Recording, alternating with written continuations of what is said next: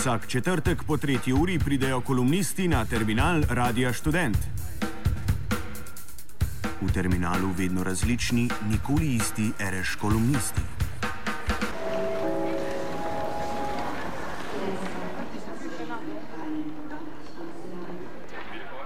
Meje, omejitve, razmejitve. Naj nas ta klasična antropološka triada danes, ko je sam praznični dan, same suhe krave v obdobju kislih kumaric, novinarskih rac, eh, praznina etra, le komu govorimo, naj nas torej ta antropološka triada popelje v sfero, kjer se lokalne in regionalne zadeve zamešajo nekoliko z globalnimi. Na vse zadnje, saj, če poslušamo te dni sojenja ubogim ameriškim vojakom, ki predajajo informacije svetu, je to videti kot ne nekakšno globalno sojenje v imenu nekakšne univerzalne pravice, pač pa bolj ali manj kot opravičevanje nekim lokalnim ali regionalnim šerifom. Stvari se seveda obračajo tukaj le prav blizu, kjer pa so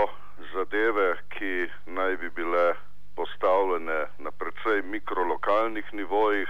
oziroma segale v dobrososedske odnose eh, držav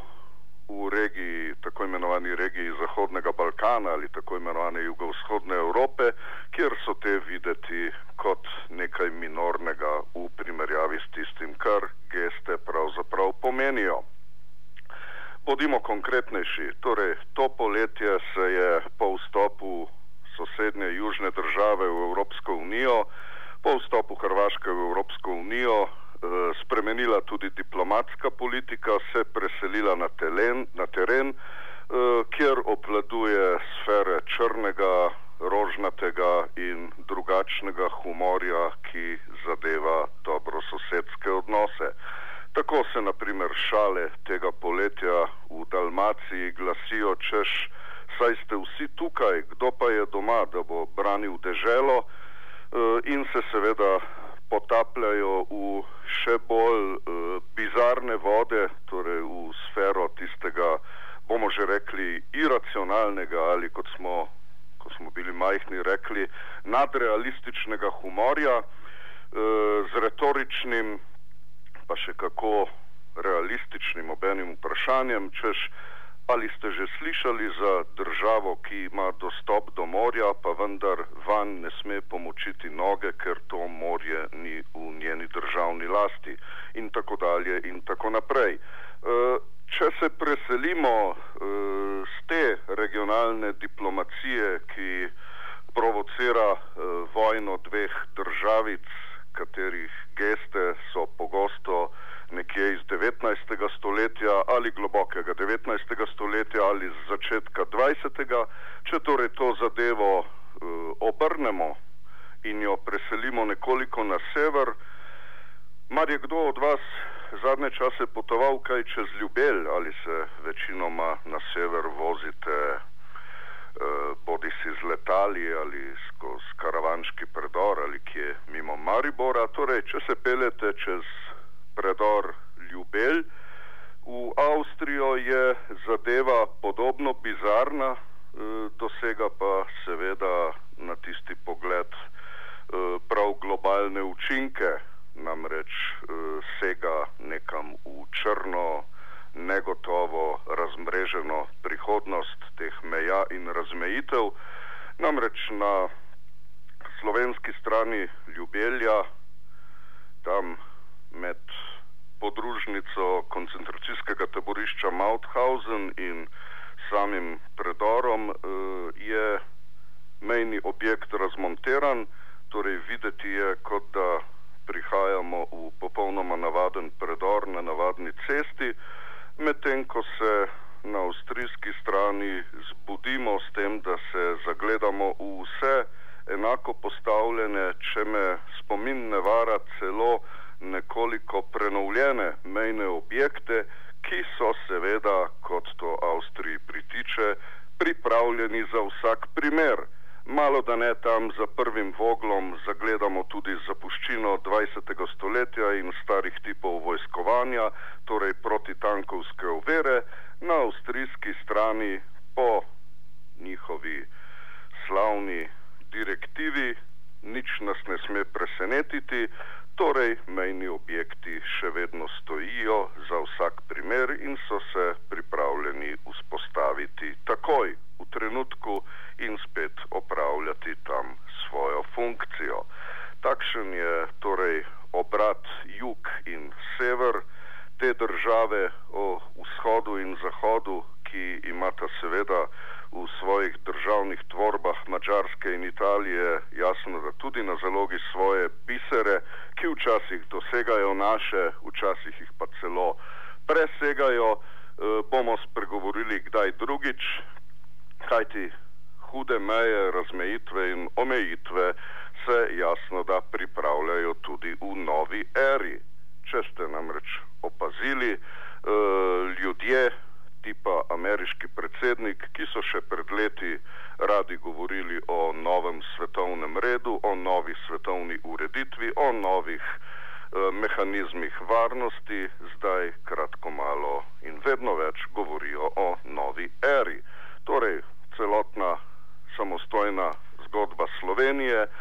se je iz časov nove svetovne ureditve, o kateri so jih bila polna usta tam leta 1991, zdaj že globoko prevesila v novo ero. In kaj nam ta nova era uh, sugerira, kaj nam ponuja, bomo seveda spet uh, doživljali v naslednjih tednih in mesecih na lokalnih in regionalnih prizoriščih, kjer bo prihajalo Eh, do bizarnosti, ko bodo kakšne uh, lokalne lovke spet dosegale globalne učinke in obrnjeno. Uh, bliža se tako naprimer tudi uh, 20-letnica avtonomnega kultur, kulturnega centra Metelkova mesto. Uh, mislim, da se bomo slišali prav v, v jedru tega praznovanja naslednjič, zato naj uh, danes ponudimo nekaj indicov, kam se zadeva lahko obrača, kar zadeva politike prostora. Kar zadeva samo gentrifikacijo, seveda na sami lokaciji nič novega, tako v njenem duhovnem smislu, kar zadeva alternativno kulturo, kot tudi v stavbeno-urbanističnem smislu, eh, kjer se seveda eh, nekatere urbanistično stavbne zadeve pomikajo vedno bliže tistemu, čemu pravimo AKC Metelkova. Namreč v sami alternativi se seveda zgodba za 30-40 let nazaj eh, rada, kot smo že veliko krat ponazorili, prikazuje kot tista ena in edina, kot tista, ki je skozi 80 leta punk, radio študent, mladino, morda naštejemo še nekih pet stvari, peljala svojo zgodbo v sovražnosti do tedanjega totalitarističnega sistema, kot povdarjajo nekateri, pa vendarle seveda se je skozi to zgodila prenekatera gentrifikacija, kajti zgodba jasno, da ni tako zelo preprosta. V samih lomih znotraj samih organizacij in dejavnosti se je namreč že v samih 80-ih letih uh, v samem produkcijskem načinu zgodila tista gentrifikacija, uh, ki ji lahko rečemo lom v samem pogledu na alternativno kulturo, celo segala je ta razmejitev v tiste najbolj mračne scenarije, kot smo jih v dobrososedskih odnosih in v meddržavni skladni omenili na začetku tega le prispevka, torej da se ena stvar prodaja kot tista protitotalitaristična, ki je zmogla pomagati k samostojnosti Slovenije, druga pa je bolj ali manj pozabljena zgolj zaradi tega, ker je ustrajala pri produkcijskih načinih, ki so vsakdani, ki so zares alternativni in ki niso bili nikoli uporabljeni ali zlorabljeni za to, da bi večji tvorbi globalnega značaja pomagale do kakšne samostojnosti, suverenosti in tako dalje in tako naprej. Stvar je seveda e, precej paradoksna, kajti mnogokrat so reči, ki so skrbele s svojim alternativnim produkcijskim načinom za samo suverenost stanja stvari, popolnoma prezrte in pozabljene, a vendarle k sreči je zgodovinskih priložnosti še in še, tako da bo o nastavkih suverenosti alternativnih gibanj zadnjih desetletjih na slovenskem še in še priložnosti za uh, uh, obrambo, za povlečenje nekaterih iz prahu pozabe, za opozarjanje na tiste ključne stvari, ki seveda vihrajo pred nami kljub raznolikostim, kljub tem razlikam, kot se odpirajo v sferi, ko je treba braniti pridobitve Kersnikove 4 in 6, ko je treba braniti pridobitve Kuda France Prešeren in v te razgovore o teh pridobitvah takšne in drugačne določene razlike, ki zadevajo prisvajanja, ki zadevajo v drugem primeru lastnino, skratka razlike, ki so nekdaj na alternativni sceni bile plodne, eh, danes pa večkrat nažalost pomenijo samo mok, pomenijo ignoranco, torej nepoznavanje stvari samih in enačenje neke alternativne scene, ki je imela v svojem bogatstvu, seveda v teh krajih, veliko, veliko različnih pobud, veliko različnih udejanjen in ki je seveda prispela tja, kamor je prispela. Zato si dovolimo napovedati, da 20-letnico Metelkove v naslednjih mesecih in letih ne čaka nič kaj drugega kot nova faza gentrifikacije, kjer se bo vrlo Ministrstvo za kulturo in celotna kulturna politika z vsem zasukom in radikalno polotila tako imenovanih kreativnih industrij in kjer bo vse vednost nastopala z vrha na nekoliko drugačen način, kot je to počela v sedanjem in v preteklem totalitarizmu, ko je delila seveda svojo pogačo. E, dvomimo, da bo nova kulturna politika in da bodo nove prostorske politike upoštevale zgodovino alternativnih praks v teh krajih, da bodo pozorne na posebnost produkcijskih odnosov in da bodo raznolikost produkcijskih načinov obravnavale enako. Ne, dvomimo, da bo to držalo, kajti že se oblikujejo regionalno-urbanistične celice, ki jasno da najbolj vedo, kako se streže kulturnemu odjemalstvu, kulturni politiki, skozi množico festivalov brezplačnega tipa lahko seveda že tipamo v smer, Eh, kamor naj bi se eh, v pomankanju denarja ali v domnevni eh, krizi vrednot pomikalo Ministrstvo za kulturo hkrati s somišljeniki tistih, ki skušajo urejati četrti regije, sfero kulturnih pripoznanj in priznanj torej, da se bo zadeva eh, bolj ali manj nadaljevala v gentrifikacijski smeri, kjer bo zopet zmagovalec samo eden. Tokrat tisti, ki bo pripomogel jasno da k spregledanju teh kreativnih industrij, eh, k spregledu tega, da eh, seveda to nažalost ni edina kulturna praksa, ki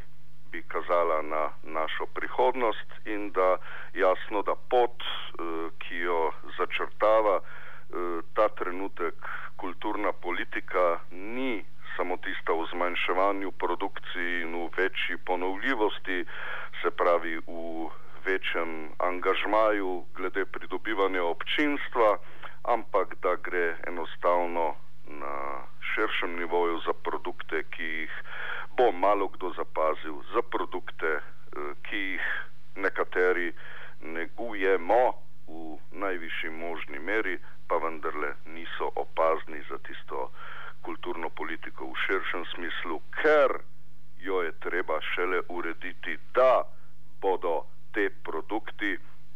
merljivi z vatli, ki ustrezajo eh, direktivi Evropske komisije oziroma njene hitrejše in ker ustrezajo temu globalnemu principu, seveda eh, produkcijski načini, ki ne ustrezajo kreativnim industrijam novega tipa, spet ne bodo opazni, kakor niso bili opazni strani socialistične zveze, kakor niso bili opazni strani nobene od strank, ki je bila kakorkoli pomembna od leta 1991 in so bile vedno uh, skregane s tistim povedkom, ki naj pelje kulturo na takšen ali drugačen način naprej. Eh, zadeve bodo v naslednjih letih jako zanimive. Kdor sledi tekočemu časopisju, je morda že opazil, je morda že opazila, da se na veliko govori o neki cukrarni eh, kot galeriji cukrarna. Mar ste kje brali kakšne raziskave, da naj bi drugo leto šla Ljubljanska cukrarna dela, dejansko v obnovo s tem namenom, da bi bila tam postavljena galerija. Torej, ne si dati Duška preveč glede presenečen, tudi vročina je k sreči padla, tako da eh, šokov v branju tekočega časopisja ne bo. August je tako ali tako že primeren za čase šokov. V starih časih je bil novopečeni očka Janez Janša tisti, ki je slovel potem, da nas zna presenetiti Augusta, tokrat nas v avgustu presenetijo celo novinarske race. Presenetijo v tem, da nimajo tako, tako malo zveze z realnostjo, kot bi si želeli. Torej, zapomnite si, galerija Cukrarna, kot bo stala nekoč v prihodnih časih, na mestu te lupine, ki dejansko danes daje skupaj z mostom čez Ljubljanico tisto novo mestno veduto, ki bo že čez nekaj let drugačna, e, morda malo bolj spominjala na tri četrt nekega avstrijskega linca, skratka ponavljala tiste vzorce, ki so v evropski direktivi kot kreativne industrije napisane že zdavnaj. Priporočila o kreativnih industrijah bodo seveda podana tudi bodoči slavljenki, Metelkovi, kot taki, da naj bi eh, zadeve usmerjala bolj transparentno, vendar ne transparentno v smislu poslovanja, kajti tukaj je še najmanj težav, pač pa transparentno v smislu kulturne prihodnosti, torej da naj bi zadeva spet ustrezala podobi tistih, ki so se nekdaj torej leta 1993, Metelkove že enkrat kanili rušiti. Pozor, na oblasti, kar zadeva kulturne politike, imamo spet tiste, ki so nekdaj rušili Metelkovo in naj bo to metafora, ki so se torej uh, zadev lotevali uh, bolj, bom tako rekel, oglato, z malo humorja, z vsem resnim zazrtjem v našo svetlo prihodnost, kjer naj bi bilo kulturnih dobrin vedno manj, kjer naj bi bile te takšne, da ustrezajo dovolj po vpraševanju tega ljudstveca in seveda ne peljajo naprej tiste zgodbe drugačnih produkcijskih načinov in odnosov, kot so te zgodbe iz podpodja bile zapisane v krajih že nekaj desetletij. Torej, nič novega, e, zadeva bo potekala gverilsko, vendarle tako ni bilo e, skrivnost o gverili že pred desetletji, tako ne bo niti danes. Zadeve med lokalno in regionalno, pa na drugi strani med regionalno in globalno tranzicijo so hitro obrnljive. Če ameriški vojak v globalnih poročilih ustreza naročilom šerifa, zakaj se ne bi pripetilo tukaj, da bi neka globalno pomembna zadeva, globalno pomembna razmejitev, gentrifikacija znotraj glavnega mesta neke države bila pomedena pod preprogo in ne dosegla tistega učinka, ki bi ga v bistvu morala. No, vse zadnje, mar ni to bistvo gentrifikacije, da zadeva ni pojasnjena, da ni transparentna, da ne pride v glavne novice in da za njo javnost tako rekoč ne ve. Srečno,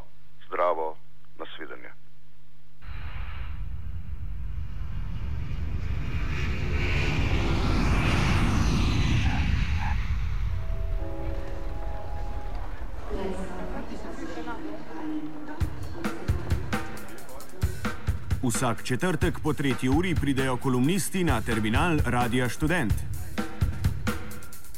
V terminalu vedno različni, nikoli isti, reš kolumnisti.